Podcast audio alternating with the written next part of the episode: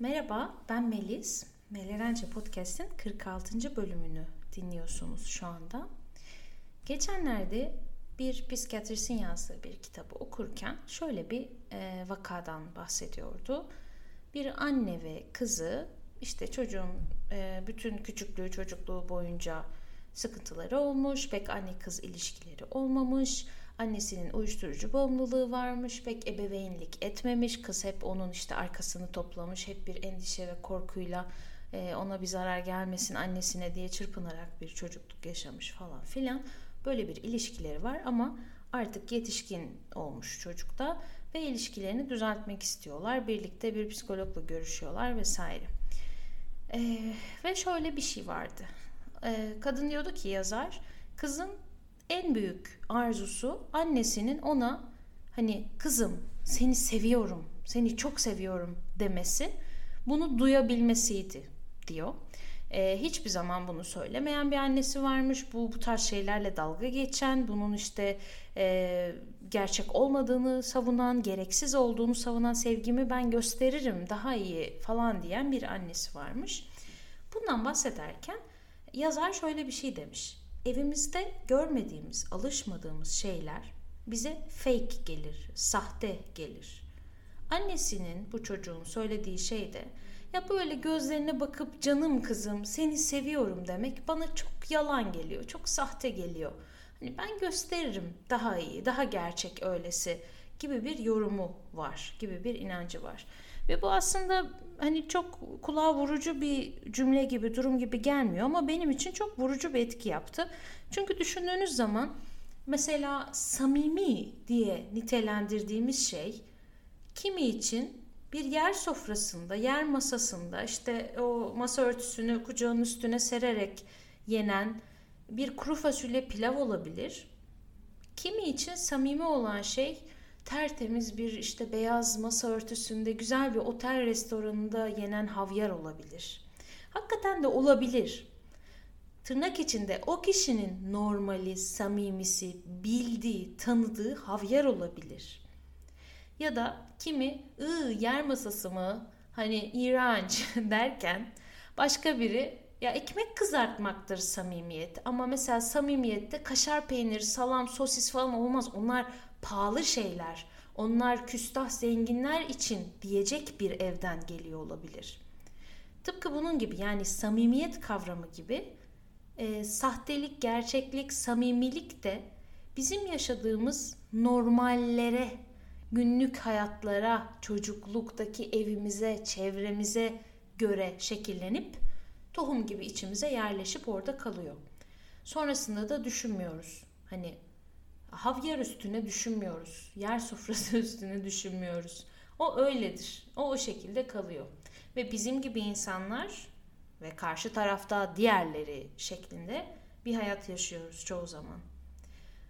Bu seni seviyorum çocuğum örneğinde olduğunu düşünürsek büyük ihtimalle bu kişinin annesi de mesela ailesinde hiç böyle şeyler söylenmeyen ki milyonlarca böyle aile var bilmiyorum belki sizin de aileniz onlardan biridir ama işte sevginin gösterilerek ifade edilmesinin daha gerçek olduğunu söylemenin çok absürt ve ay o ne filmde miyiz canım falan gibi hissettirdiği birçok aile var. Ama bazı aileler de var ki hakikaten canım seni seviyorum harika bir gün geçir akşam görüşürüz diye günlük hayatlarının parçası yapmışlar sözel olarak ifade etmeyi. Bu kişilerin çocukları tabii ki eşlerine, çocuklarına, belki arkadaşlarına karşı e, çok daha kolay seni seviyorum diyecekler sözel olarak. Bunu da söylemek doğrudur, söylememek yanlıştır falan gibi bir konumuz yok bugün. Fakat normali olması, samimisi olması ne kadar göreceli bir şey olabiliyor aslında bunu hatırlatmak istiyorum. Çünkü birçoğumuzun aklında e, bazı kodlar var mesela ülkelere göre işte Türkiye belki Hollanda'ya göre biraz daha ekonomik olarak işte fakir bir ülke ise biraz daha kısıtlı o bana ekmeğini verdi ben paylaştım kırdık soğanı yedik falanlar samimiyet gibi gelirken Hollanda ya da Norveç gibi bir ülkede samimiyet nasıl olur farklı bir e, betimleme var. O durum buranın normali olmadığı için samimiyet kavramı hatta hiç olmaya da bilir mesela. Oluşmamış da olabilir. Ya da farklı bir tanımı olabilir. Bugün bu konuya değinmek istedim. Çünkü bu normaller yine tırnak içinde normallerimiz bize tanıdık gelen şeyler aslında. Bildiğimiz şey bize normal geliyor. Çok basit bir örnekle pekiştirmek gerekirse mesela sizin e, çocukluğunuzda babanız acayip yemek, işte ev işi, cam silme bilmem ne bütün her şeye e, annenizle birlikte şey yapar, paylaşır, destek olur neyse ikiye böler, birlikte yaparlarmış ve bu sizin normaliniz. Sonra bir arkadaş ortamında oturuyorsunuz ve işte şey oldunuz, yetişkin oldunuz ve diğer arkadaş diyor ki işte bilmem kimin kocası da öyle yardım ediyor ki ay ne kadar şanslı diyor ve siz diyorsunuz ki hani ya anlamadım tam şey ne yani konu ne tam zaten normali bu değil mi? Hani niye buna bu kadar şaşırıyorsunuz ki? Ve size garip garip bakıyorlar. Çünkü garip bakan kişilerin evlerinde hiç böyle bir senaryo yok. Hiç böyle bir yaşanmışlık yok. Baba hep oturur, anne hep yapar, yorulur, söylenir. İşte baba çay bitti, çay koy diye içeri seslenir. Dolayısıyla bu insanların normaline göre duydukları şey etkileyici ve normal değil. Bazı şeyler var. Ee, mesela sizin evinizde fiziksel şiddet varsa bir şekilde fiziksel şiddete karşı çok hassas olup kesinlikle onu yaşamayacağınız bir yerlere kendinizi getirebilirsiniz hayatta. Bu çok net bir şey. Yani birçok insan için fiziksel şiddet kötüdür, bu olmamalıydı. Kesinlikle kendi yetişkinliğimde bunu yaşamak istemiyorum, bunu kabul etmiyorum demek çok kolay. Ama bir de ince olanlar var. Fark etmediklerimiz, daha sinsi olanlar var. Mesela e, birçok insan var ki anneleri yemek yapmıyor. E, belki çok yoğun çalışıyor. Hani eve karışmıyor yani. Ev toplama, yemek yapmayı herkesin işi gibi görüyor. Ve böyle anaç anaç bildiğimiz manada bir kadın değil. Sonra o kişi başka birinin evine gidiyor ve inanılmaz pervane olan böyle bir e, aşırı şefkat dolu bir anne görüyor. Ve duvara toslamış gibi oluyor. Yani böylesi de var. Benim normalime göre bu çok garip bir şey ama demek ki böylesi de var dediğimiz o küçük anlar. Dolayısıyla siz neyi normal ve tanıdık biliyorsanız aslında yetişkinlik hayatınızda da böyle görünmez iplerle oraya çekiliyorsunuz. Çok güzel bir yorumdu. İlk bunu nerede okudum hatırlamıyorum ama sonra birkaç kez karşıma çıktı. Ş- tabii ki biraz şey böyle e, psikolojide şöyle bir şey varmış diye başlıyorlar ya biraz onun gibi ama e, bununla ilgili bir şeyler yazarsanız Google'a bulursunuz yani insanların uzmanların konuştuğu üstüne düşündüğü bir mevzu şu ki biz diyoruz ya bir ortama girdim işte bir adamla bir kadınla tanıştım ya bir başladık konuşmaya 5 saat sanki işte bir ömür onu tanıyormuşum gibi hayatımın aşkını bulduğuma eminimler falan filan işte okuduğum kitapta şöyle diyordu. Orası arkanıza bakmadan kaçmanız gereken yer. Çünkü büyük ihtimalle ailenizde yaralandığınız yerlerden sizi yaralayacak aynı konseptten gelen bir insanla karşı karşıyasınız. Ve bu size çok tanıdık, ne kadar gerçek, çok samimi biri falan diye yorumluyor bunu size beyniniz. Çünkü sizin bildiğiniz, bildiğiniz bu, bildiğiniz şey bu, bildiğiniz erkek böyle bir şey ve o size kendini çok sizden hissettiriyor. Çoğu zaman böyle yapbozun parçaları gibi insanlar birbirlerini kaşıyan durumları hep eşlerinde bulurlar. Bunun altında da yine aynı sistem yatıyor düşününce. Tabii ki her zaman birebir böyle olmak zorunda değil. Birçok etken olabilir. Ama ben kendi hayatımda da baktığımda işte bir psikologla bir seans yaptığınızda sohbetin gidişatında mutlaka çok tüyler ürperten değil, e, aynılıklar bulabiliyorsunuz kendi ailenizle ve işte şu tarz e, karşı cinsten hoşlanırım dediğiniz insanla.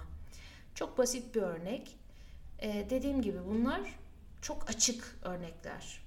Bir de şöyle bir şey olabilir. Mesela sizin evde anneniz daha pasiftir, daha sessiz, daha kabul eden, her şeye okey diyen kişidir.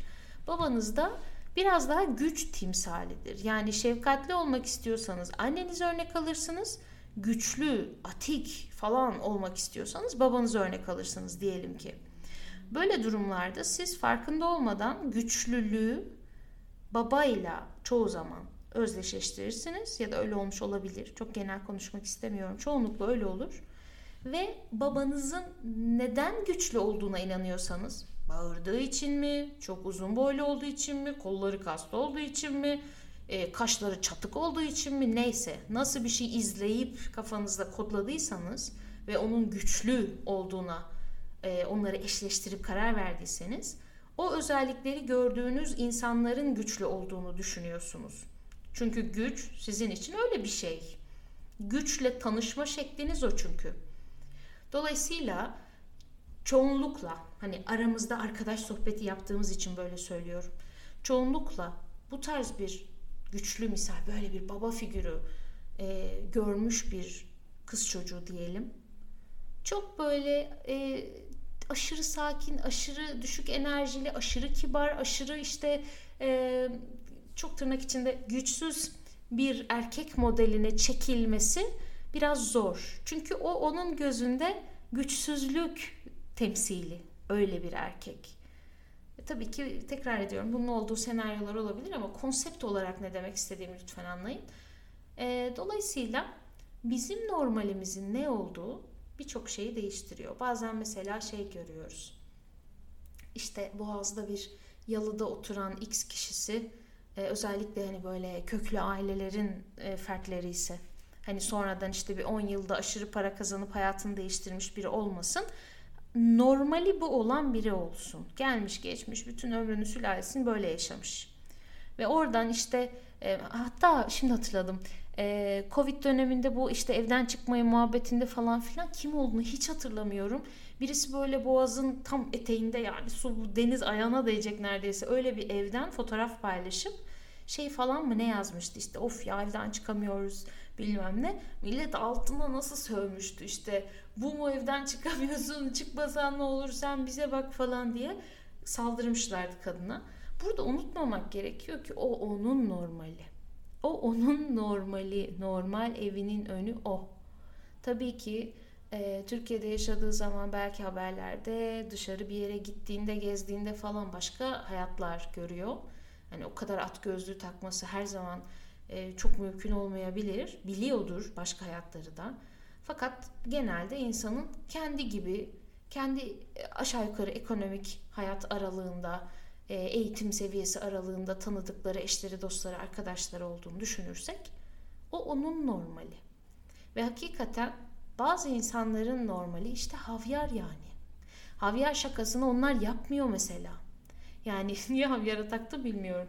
Ee, buradan ana temayı çıkarırsak bir şeylerle ilgili o bir şeylerle değil her şeyle ilgili normallere karar verdik ilmek ilmek ilmek ilmek seneler boyunca her bir şeyin normaline karar verdik ve hayatımızda yetişkinlik hayatımızda çoğu zaman onların peşinde koşturuyoruz. Fakat bazıları o kadar sadece tanıdık olduğu için ki bize bazen tanıdık olan şeyin bize iyi gelmediğini fark edip onu yıkıp tekrar yapıp tekrar yeni yenine yetişkinlik hayatım ya 30 yaşında 40 yaşında yeni bir şey koyup kendimizi ona alıştırıp onunla yola devam edebilmek mümkün ve bazen de gerekli. Dolayısıyla neyi normal bellediğinizi bilmek çok önemli. Bu da aslında kendini tanımak dediğimiz şeyin çok büyük bir kısmı. Mesela artık kiminle büyüdüyseniz e, misal işte anne baba babaanne ya da farklı bir şekilde etrafınızdaki insanlar için güç ne demekti? Tartışmak ne demekti? Evlilik ne demekti? Birbirini sevmek ne demekti? Nasıl gösterilirdi? Bazı insanlar birbirini çok narin, nazik sever. Bazı insanlar işte ısırarak sever atıyorum. Kolunu ısırır yani. Hakikaten böyle tipler var. Daha agresif sever. Ve nazik sevmeyle dalga geçer o kişiler. Anlatabiliyor muyum? Birisi anne baba tarafından sevdiğiniz birisi bir olguyla dalga geçerek Hani siz bunu duyarak eğer büyüdüyseniz o sizin için mesela hep dalga geçilecek, yanlış, kötü, komik, salakça bir şey olarak kalıyor fark etmediğiniz sürece. Mesela işte babanız eskiden böyle bir tabir vardı. Metroseksüel bir erkek değildir misal. Pek kendine bakmaz, dikkat etmez falan filan. İşte böyle gıcırt gıcır böyle süper giyinmiş, e, sakal tıraşı bilmem ne falan resim gibi bir adam gördüğünde bu durum, bu eşitsizlik hissiyle, görüntüsüyle baş edebilmesinin tek yolu onunla dalga geçmesidir belki. Ancak o zaman kendini iyi hissedecektir. Farkında bile olmadan belki. Ve e, diyecek ki ya bu erkekler de ne hale geldi şuna bak saçına da ne sürmüş öyle bizim zamanımızda böyle miydi falan filan. Sonra siz bunu duyduğunuz zaman sizin yetişkinlik döneminizde o metroseksüel dediğimiz e, erkeğin babanızın dalga geçtiği şeyleri kendi hayatınızda yapmanız farklı bir senaryoya göre daha zor oluyor. Yani içinize işleyen, iyiliklerinize işleyen e, kanılar bunlar. Ve ne kadar çok bunları fark edersek o kadar çok özgür oluyoruz ve bazılarını fark etme anı çok sarsıcı olabiliyor. Şöyle bir an geliyor ve diyorsunuz ki ya ben bunu seviyorum aslında. Ben bunu yapmayı seviyorum. Ben bunu yemeyi, böyle giyinmeyi, şunu sürmeyi, yüzüme şu renk e, işte e, göz boyası, dudak boyası sürmeyi aslında ben seviyorum ya lanet olsun diyorsunuz. Ve sonra mesela bunu neden sevmeyeyim, niye bu şekilde şartlanmış durumdayım deyip geri gidip doğru noktayı bulduğunuzda ailenizde o şeyin kabul görmediğini fark ediyorsunuz. Ve anne babaları çocuklar normalde bir yaşa kadar böyle ilah gibi, tanrı gibi falan görürler. Onlar hata yapmaz. Bir şey diyorlarsa doğrudur. İşte sen salak mısın bunu niye anlamıyorsun diyorlarsa salağımdır. Ne derlerse doğrudur. Hata yapmazlar. Ama bir yaştan sonra hatırlamamız gereken şu. Herkes hayatı kendi penceresinden görüyor. Kendi tecrübesinden, kendi ailesinden aldığı, bir kısmını fark ettiği, büyük bir kısmını fark edemediği paternleriyle yaşıyor. İster istemez de çocuklarına aynı şeyleri aktarıyor. Dolayısıyla ailenizden gelen hiçbir şeyi bu mutlak gerçektir, böyle vahidir şeklinde kabul etmemize hiçbirimizin gerek yok. Bazı çok faydalı güzel şeyler, hayat bak e, hayata bakış tarzları vesaire öğrenebiliriz. Ama büyük bir kısmında yenilenmeye ihtiyacı duyan, tekrar tanımlamamız, tekrar anlam vermemiz gereken kavramlarla dolu. Hakikaten siz neyi sevip sevmediğinizi gerçekten mesela ne kadar biliyorsunuz? Mesela ailenizin, annenizin ya da babanızın hiç hoşlanmadığı ama böyle yani alakasız mesela işte annem golfle çok dalga geçer. Bu da spor mu der? Sallıyorum. Yani onun hayatıyla birebir ilgili olmayan bir şey bulun. Ve ona nasıl, o olaya karşı siz nasıl hissediyorsunuz ona bakın mesela. Ya da belki e, çok hoş bir şey var. Ve içiniz çekiliyor aslında onu. Hoşunuza gidiyor yani. Çok pırıltılı pırıl pırıl bir şey giymek mesela bir kadın için olsun. İşte aslında ben çok sporumdur. Yani hiç öyle süslü bir tip değilimdir diyen bir kadın. İçten içe yani güzel aslında o pırıltılı terlikler beğendim ama ay o ne canım öyle şey mi refleksi çıkıyorsa ya ben beğenmeme rağmen niye kendimi durduruyorum sorusunu sorduğunuz zaman çoğunlukla geçmişten tanıdığınız ve parıltılı bir şeylerle dalga geçen, küçümseyen falan bir e, şey buluyorsunuz. Hikaye buluyorsunuz arkasında. Öyle ki mesela bugün de örneklerim çok abuk subuk ama şu metroseksüel erkekten gidelim. Diyelim ki babanız böyle birkaç kere artık kafanıza kazanacak şekilde bu metroseksüel erkek muhabbetiyle ilgili dalga geçmiş, aşağılamış, belki laf etmiş. Bunlar da adam mı demiş, paçalara bak demiş falan filan. Sonra siz yetişkinlik döneminde eğer bunun yeterince farkında değilseniz hele ki bir de böyle babanız bunu söylerken aynı zamanda çok da akıllı bir adamsa hani e, şey yapması zor bir insansa ya bu da işte babam da öyleydi ya onu mu ciddiye alacağım diyemiyorsanız kolay kolay. Yani bunu söyleyen çok akıllı yani bir haklıdır o zaman bunu söylüyorsa diyebileceğiniz bir kişi ise sizin yetişkinliğinizde böyle çok metroseksüel bir erkek olmanız kafanızın içinde ya babam ve öbür taraf ben şu an öbür tarafa geçtim ben onlardan oldum hissini tattırabiliyor olabilir size. E, bir çoğu zaman ailemizden çok farklılaşmak istemeyiz. Sanki sürüden ayrılmışız gibi hissettirir bu bizi.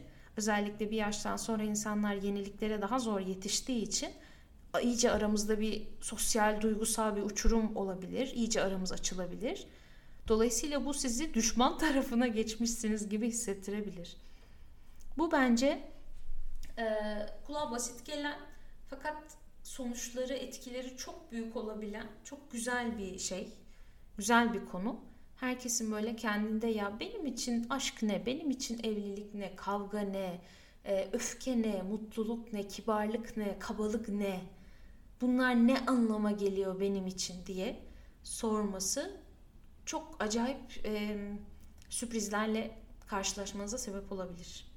Yani çok başka şeyler çıkabilir içinizden. Bayılıyorum böyle çok nadir oluyor.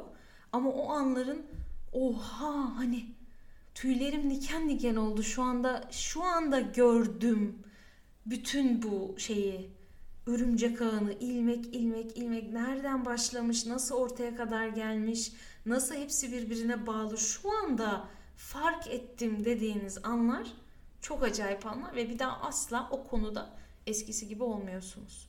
Müthiş dönüştürücü anlar. O yüzden kimin normali kime tanıdıksa onun normali. Birçok insan için aslında onlar kötü değiller, salak değiller, her neyse normalleri farklı. Gerçekten insan bir at gözlüğü takmış gibi e, bir hal alabiliyor. Normalini tutunduğunda, yaşadığında. Yani bazen diyebilir ki ya tamam normale o diyorsun da şu da söylenir mi kardeşim? Gerçekten insan bazen fark etmiyor. O kadar çok başka bir dünyanın, başka bir normalin e, dışındaki o kadar haberdar değil ki bazen fark etmiyor. Dolayısıyla başka insanlara yaklaşırken e, bu bence akılda tutulması güzel bir şey. Onun normaline, onun tanıdığı ne, onun samimi dediği ne, onun ana, annelik kavramı ne? Kimi için çok yoğun bir analık, annelik kavramı vardır. Gördüğü şeyle bağdaştırır. Bir adam gelecekteki karısı için onu hayal eder, öyle görmek ister. Yine tabii ki çok genelliyoruz ama çoğunlukla tarz olarak yani stil olarak karakter manasında erkekler annelerinin e, gücüne, kuvvetine, tarzına, stiline, konuşma tarzına, yaşayış tarzına yakın kadınlarla evlenip işte hayat kuruyorlar her neyse. Bunu da çok görüyorum mesela. Tabii ki dediğim gibi e, bir konuda babanızla kocanızın, işte annenizle karınızın çok farklı olması elbette ki normal. Bizim kendi aklımızda var. Bazı şeyleri tartıp ölçebiliyoruz vesaire. Ama bir noktada küçük tanıdıklıklar bize bazı insanlara bizi daha yakın hissettiriyor. Bir şekilde onların yanında buluyoruz kendimizi. Geçmişteki mesela ilişkilerinizi düşünürseniz çok büyük ihtimalle birbirinden bambaşka insanlarla çıkmamışsınızdır. Tekrar ediyorum bazı konularda farklı olabilirler, çok farklı olabilirler. Ama stil, tavır, enerji, o işte nasıl bir şey e, havası var, nasıl konuşuyor, hayata nasıl bakıyor, güçlülüğü, güçsüzlüğü, işte öyle höt dedim mi elini masaya vurdum mu falan stil mi? Yoksa çok daha nazik, huzur veren bir ses tonuyla falan mı? Genelde bunlar birbirine çok benzer. Bunların sebebi de tamamen size tanıdık geliyor ve kendinizi öyle bir yerde, öyle bir insanla daha güvende hissediyor olmanız. Ayrıca bunlar bazen iyi şeyler olmayabilir. Yani bazen e, şiddet olan, sürekli şiddet olan bir ev size o kadar tanıdık gelir ki onu bildiğiniz için bir şekilde bazı durumlarda onu tercih bile edebilirsiniz. Belki şiddet çok açık bir e, şey, hani sıkıntılı bir şey çok bariz. Ama bazı minik şeyler mesela ya işte ilişki dediğin, evlilik dediğin kavgayla yürür falan gibi bir algınız olabilir. Hiç kavga olmaması sizi rahatsız ediyor olabilir. İçten içe sizi hani güvende değilmişsiniz gibi hissediyor olabilir. Niye bu kadar huzurlu her şey? Niye hiçbir tartışma yok? Bildiğiniz tanıdıklığa çok ters bir şeydir çünkü. Ve kendinizi kavga çıkarırken bulabilirsiniz. Bunlar e, güzel konular. Umarım bir yerlerde zihninizde bazı kapıları aralamıştır bu bölüm. Hakikaten bu şekilde kendinize ve başkalarına baktığınızda çok deli sonuçlar çıkabiliyor ortaya. Umarım e, bir şekilde işinize yarar bugün duyduğunuz bu bilgiler. Bir sonraki bölümde görüşmek üzere. Bir iki kitapla ilgili bahsetmek istediğim bir şey var. Bir de güzel bir haberim olacak yakında ama şimdi söylemeyeyim. Dopamin salgılamayayım sonra beynim onu yapmışım kabul etmesin, hevesim sönmesin. O yüzden söylemiyorum. Ama güzel bir şeyler geliyor. Eğer bu bölümleri seviyorsanız yine onları da seveceksinizdir. Öyleli görüşmek üzere. Gerçekten bir yolculuk yani hayat dediğiniz, insan dediğiniz heyecanlı bir yolculuk. Bize kalıyor gezmesi, keşfetmesi. Teşekkür ediyorum dinlediğiniz için. Hoşçakalın.